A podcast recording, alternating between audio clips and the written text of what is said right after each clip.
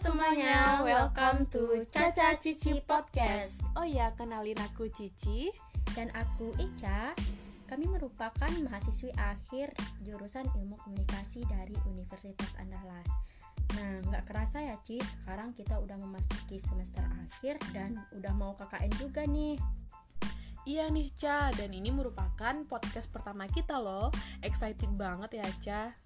Iya Ci, aku juga ngerasanya gitu loh. Soalnya mungkin karena ini baru pertama kita berdua bikin podcast ya. Iya bener-bener uh, Nah untuk podcast yang pertama ini kita mau bahas apa sih Ci? Nah sekarang itu kita mau bahas mengenai gender awareness di media. Nah untuk yang pertama ini aku mau nanya dulu nih sama kamu Ca. Uh, Kamu denger atau mengenal gender itu sejak kapan sih Ca? Aku sih mengenal gender itu sejak SMA ya dan sejak itu aku ngerasa juga kayak gender ini masih abu-abu gitu loh uh, dan nggak tahu apa sebenarnya itu gender. Iya sih Ca, kebanyakan orang-orang mikirnya gitu. Aku aja dulu mikirnya gender itu kayak uh, perbedaan laki-laki dan perempuan itu yang dilihat dari fisik kayak perbedaan jenis kelamin gitu. Uh, nah sekarang kayaknya kamu udah ngerti nih gender itu apa. Nah, menurut kamu gender itu apa sih, Cah? Menurut aku, gender itu hasil dari konstruksi dari masyarakat yang mana e, mereka itu sering mengkotakkan perempuan dan laki-laki secara berbeda. Nah, perempuan dikonstruksikan sebagai seorang yang feminim, sedangkan laki-laki dengan gaya maskulin yang dimilikinya. Bener banget, Ca. Nah, jadi sekarang itu kita udah paham kan mengenai gender itu apa. Nah, untuk lebih jelasnya, kayak gini nih. Sebenarnya gender itu bukan perbedaan antara laki-laki dan perempuan yang dilihat dari segi fisiknya, namun gender itu lebih dari itu. Yang mana perbedaan antara karakteristik laki-laki dan perempuan yang dibentuk dari hasil konstruksi masyarakat e, dari eh, kebiasaan-kebiasaan masyarakat tersebut. Berarti kayak gini ya Ci uh, Contohnya itu aku sebagai perempuan harus bersikap uh, lemah lembut Dan untuk laki-laki itu harus memiliki sifat yang gentle Gitu gak sih? Oh iya benar-benar Ca Nah akhir-akhir ini aku ada dengar kasus yang dari media sosial Dari uh, bisa kita sebut kayak tok-tok gitu Ca Yang cewek Bangladesh itu Kamu tahu nggak? Dengar nggak? Hah serius? Kasus ke apa sih?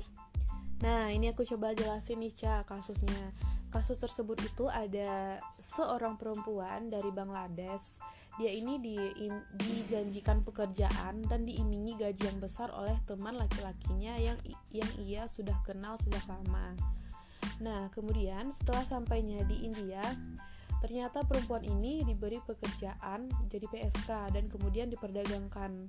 Nah, taunya dia diberi pekerjaan itu, dia nolak dong karena dia nggak mau. Terus, teman laki-lakinya ini ada empat orang laki-laki dan satu perempuan. Nah, jadi mereka itu kayak memberikan ganjaran atau hukuman gitu kepada si perempuan ini karena dia tidak mau melakukan pekerjaan uh, yang diperintahkannya. Nah, yang sadisnya nih, Ca, perempuan itu kayak ditelanjangi gitu, Ca, mohon maaf ya. Terus uh, yang paling parahnya itu alat vitalnya dirusak. Parah banget sih. Nah sebenarnya kasus ini itu aku lupa tadi jelasin kasus ini itu datang dari negara India. Nah dan awal Juni ini kasus ini viral di Indonesia dan banyak uh, netizen-netizen Indonesia menyebar luaskan kasus tersebut ada juga loh videonya. Aku juga sempet lihat sih video tersebut tapi nggak lihat sampai habis karena kayak sedih banget gitu kayak merinding. Ada ya orang-orang kayak gitu uh, kayak sampai sampai teganya gituin perempuan. Padahal pelakunya juga ada yang perempuan loh ca. Nah sampai sekarang aku uh, coba lihat-lihat berita sih di di web si pelakunya ini udah sempat ditangkap dan uh, yang korbannya ini sempat uh, ada yang bilang kalau dia itu meninggal tapi aku juga nggak tahu sih kebenarannya itu gimana. Aku juga sampai lihat di sana di sana aja. Nah untuk itu aku mau nanya nih Ca ini tuh termasuk kekerasan gender nggak sih Ca? Karena udah kayak kayak udah parah banget gitu ih sadis banget ya Ci beritanya. Aku nggak pernah denger sih dan nggak berani juga kalaupun nantinya aku ngeliat gitu. Uh, dan menurut aku memang benar itu itu uh, termasuk pelanggaran karena mereka kan nggak menghargai hak perempuan tersebut. Padahal kita sebagai perempuan kan memiliki hak untuk uh, menolak dan tidak melakukan apa yang mereka suruh. Namun uh, di sisi lain memang perempuan ini sering dijadikan uh, bahan atau objek kekerasan daripada laki-laki itu, Ci. Iya sih, Ca. Sebenarnya perempuan ini harus diberikan hak dong untuk nolak karena dia ada hak untuk tidak melakukan apa yang ia tidak inginkan begitu. Nah, dan aku ngerasa uh, sebenarnya kasus ini itu tidak perlu disebarluaskan di media sosial gitu sampai seviral ini gitu loh Ca.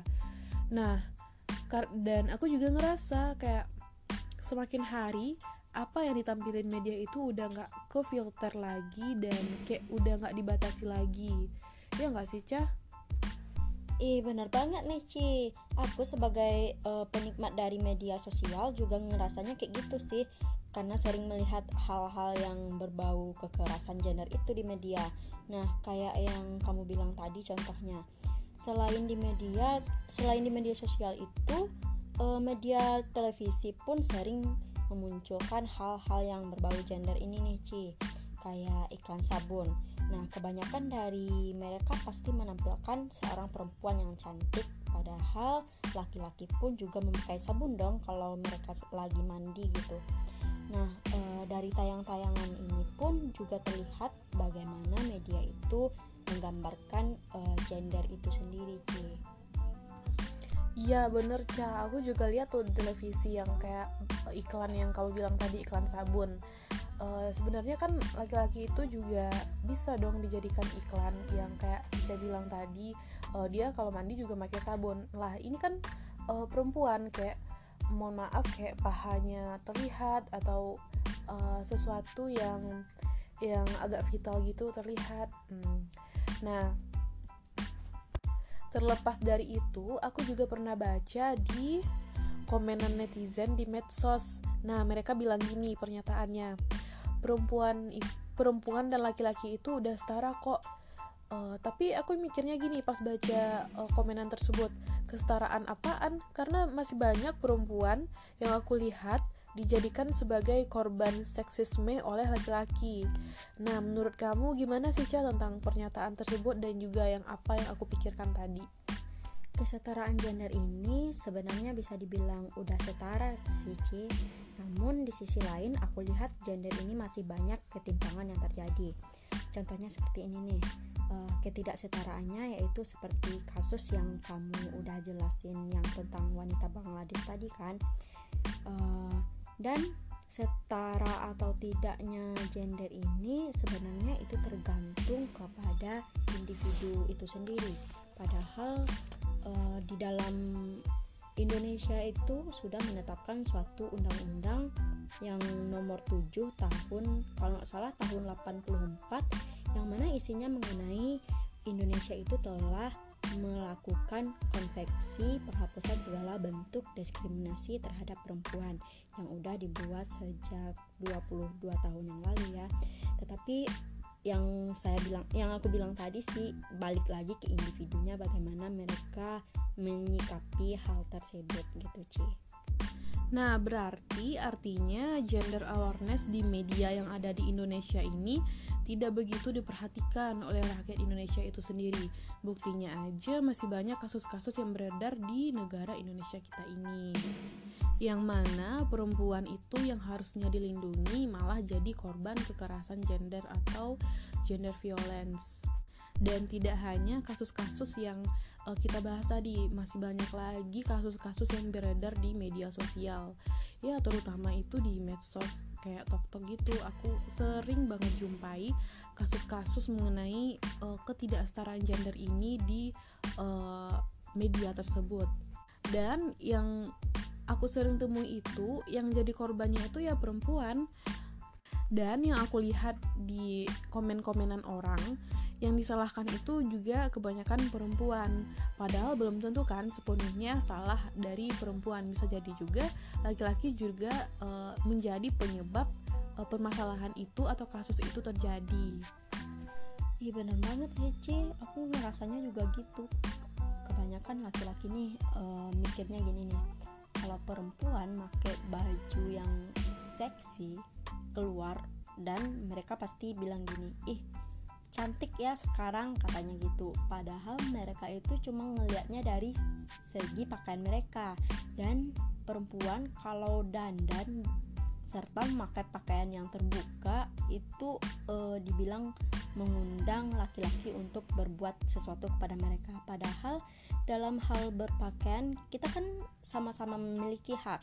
Perempuan berpakaian begitu e, bukan untuk menarik laki-laki untuk uh, merek untuk dekati gitu padahal itu untuk mereka lakukan untuk kesenangan mereka sendiri menurut kamu gimana sih gitu nggak sih Ci? Nah, iya Ca, padahal kayak aku nih, aku kan suka suka dandan. Padahal aku dandan itu buat diri aku sendiri. Tapi persepsi laki-laki itu uh, dia berpikir kalau aku dandan itu buat menarik perhatian mereka. Padahal kan enggak. Nah, iya sih Ci. Kan kemarin pernah kan kamu ceritain waktu kamu jalan terus diketoling gitu sama laki-laki. Ya kan? Masalah yang itu. Ingat nggak? Oh iya ya bener-bener aku pernah yang aku ceritain ke kamu itu. Aku lagi jalan terus kayak di siul-siul gitu sama laki-laki. Uh, aku nggak ngelihat mereka sih. Kayak aku kayak uh, udah kayak males aja digituin sama laki-laki. Padahal kan aku cuma jalan doang kalau dalam keadaan yang kayak gitu kamu ngerasa risih nggak sih? Iya risih banget. Makanya aku nggak ngelihat mereka. Aku jalan aja terus. Well aku nggak maksud apa-apa sih cuman lewat doang. Terus di calling gitu ya Allah. Pasti sakit banget sih rasanya. Padahal kita nggak ngelakuin ngelakuin apa-apa nih. Nah, dari kasus-kasus yang udah kita ceritain panjang lebar ini dan pernah yang pernah kamu alami itu termasuk ketidaksetaraan gender kan bagi perempuan yang gendernya tidak dihargai oleh sang laki-laki itu. Padahal eh, laki-laki uh, ini mungkin ada beberapa faktor ya terkadang mereka melakukan hal tersebut. Contohnya nih laki-laki yang memiliki attitude yang baik gak akan ngelakuin perempuan kayak gitu Ya, Ca, bener. itu sebenarnya yang udah kita bahas tadi juga sih. Sebenarnya itu tuh tergantung dari uh, karakteristik ya benar individunya masing-masing. Uh, dia mau buat buat ini, dia mau lakuin ini sama perempuan atau gimana itu tergantung mereka. Tergantung juga kebiasaan mereka yang diajarkan oleh orang tua nah, orang tuanya iya. sejak dini. orang tua sih uh, uh, ya benar. Ya, ya itu benar banget. Nah, iya kayak gitu, Ca. Nah, kayaknya kita pembahasan kita udah jauh banget ya, Ca. Nah, kita kembali lagi coba ke pembahasan awal kita yaitu uh, gender awareness in media. Nah, oke, sekarang kita balik lagi nih ke permasalahan yang pertama tadi. Pertama tadi ya. Uh, media. Media ini banyak banyak banget nih macamnya. Tapi terkadang di media itu gini loh sih kalau ada konten yang emang melanggar kayak di take down gitu. Oh iya. Tahu kan yang tahu tahu. gitu. kayak ada fitur take down gitu. Ah ya aku juga pernah baca nih di komenan komenan media gitu. Komenan sosial media. Iya. ya kayak di tok tok juga sih aku baca soalnya. Kan di tok iya iya. uh, kan uh, tok tok kan juga lagi viral sekarang. Hmm. uh, kayak gini ada komenan eh aku udah post tadi uh, dan aku udah post uh, postan video ini tadi uh, tapi di tag down sama TikTok gitu ya uh, karena di tag down sama TikTok itu uh, karena uh, melanggar iya kan melanggar uh, uh, iya udah ada fitur tag down sekarang. Nah itu juga merupakan hmm, gimana ya ke kesadaran gender uh, di media itu sendiri. Kayak media lama kelamaan udah sadar. Udah, uh, uh, udah tahu gitu mm, mana yang emang patut ya, posting gitu mm, yang dan yang tidak. Uh, iya bener. Namun ada juga nih Ci beberapa oknum yang mempergunakan konten-konten tersebut untuk uh, mencari pundi-pundi uang ya. Iya mencari kayak yang uh, akun lambe turah itu kan kayak semua gosip, Iya. semua berita terbaru baik itu yang positif maupun negatif mereka pasti tahu kan. Iya benar-benar. Ini sebenarnya eh, bisa sih diatasi dengannya dengan kekuatan hukum di Indonesia. Namun eh, yang Apa? kita lihat Iya. sekarang itu hukum Emang- Indonesia itu sangat lemah, lemah Emang banget. kayak yang kesetaraan ini udah udah mendarang daging ya. Ah, iya, padahal kan ada hukum-hukum mengenai eh, gender, ketidakhadilan gender, mengenai kesetaraan gender, namun nggak berlaku gitu. Nah, aku juga pernah eh, yang waktu itu kita ikut webinar oleh em, sama Universitas Pajajaran ya, Ci? Iya benar. Fakultas Hukum ya? Iya.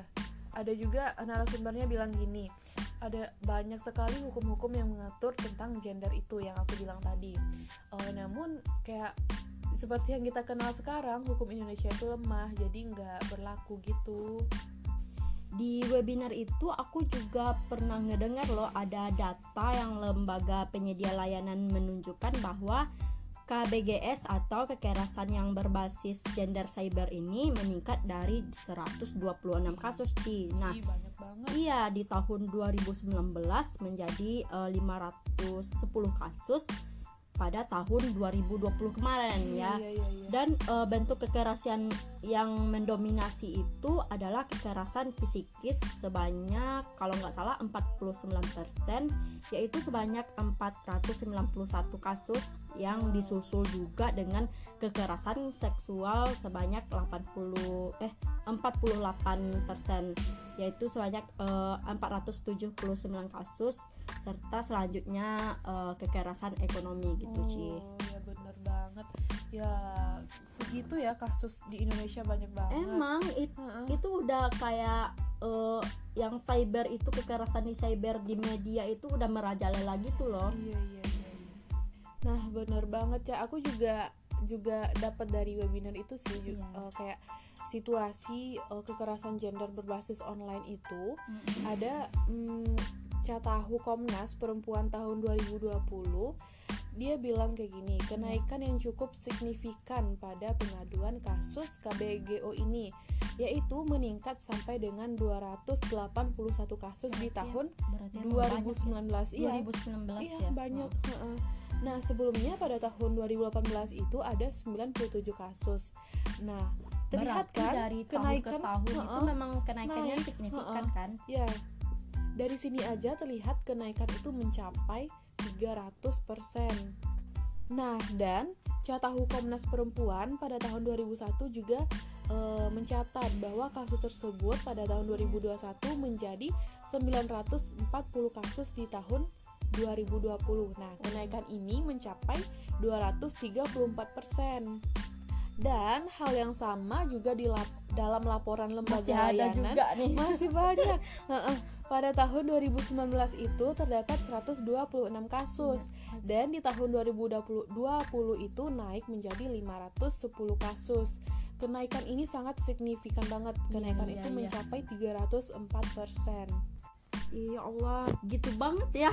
Dari tahun ke tahun emang meningkat gitu.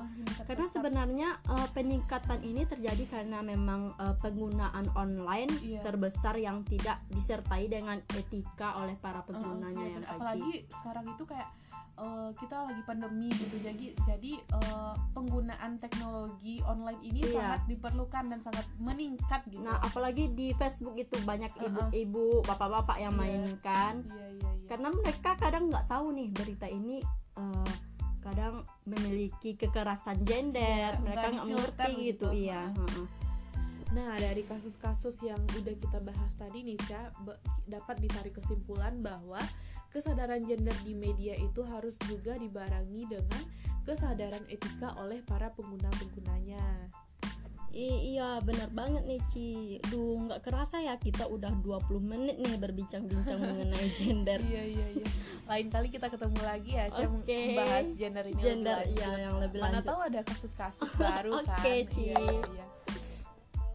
Nah, yaudah ya, Ca, segini dulu pembahasan podcast kita pada hari ini. Nah, terima kasih buat eh, partisipasi teman-teman Oke, semuanya. ya yang udah ngebantu, yang udah memberikan pencerahan-pencerahan mengenai masalah gender Iya, tentunya bener, ya. Oke.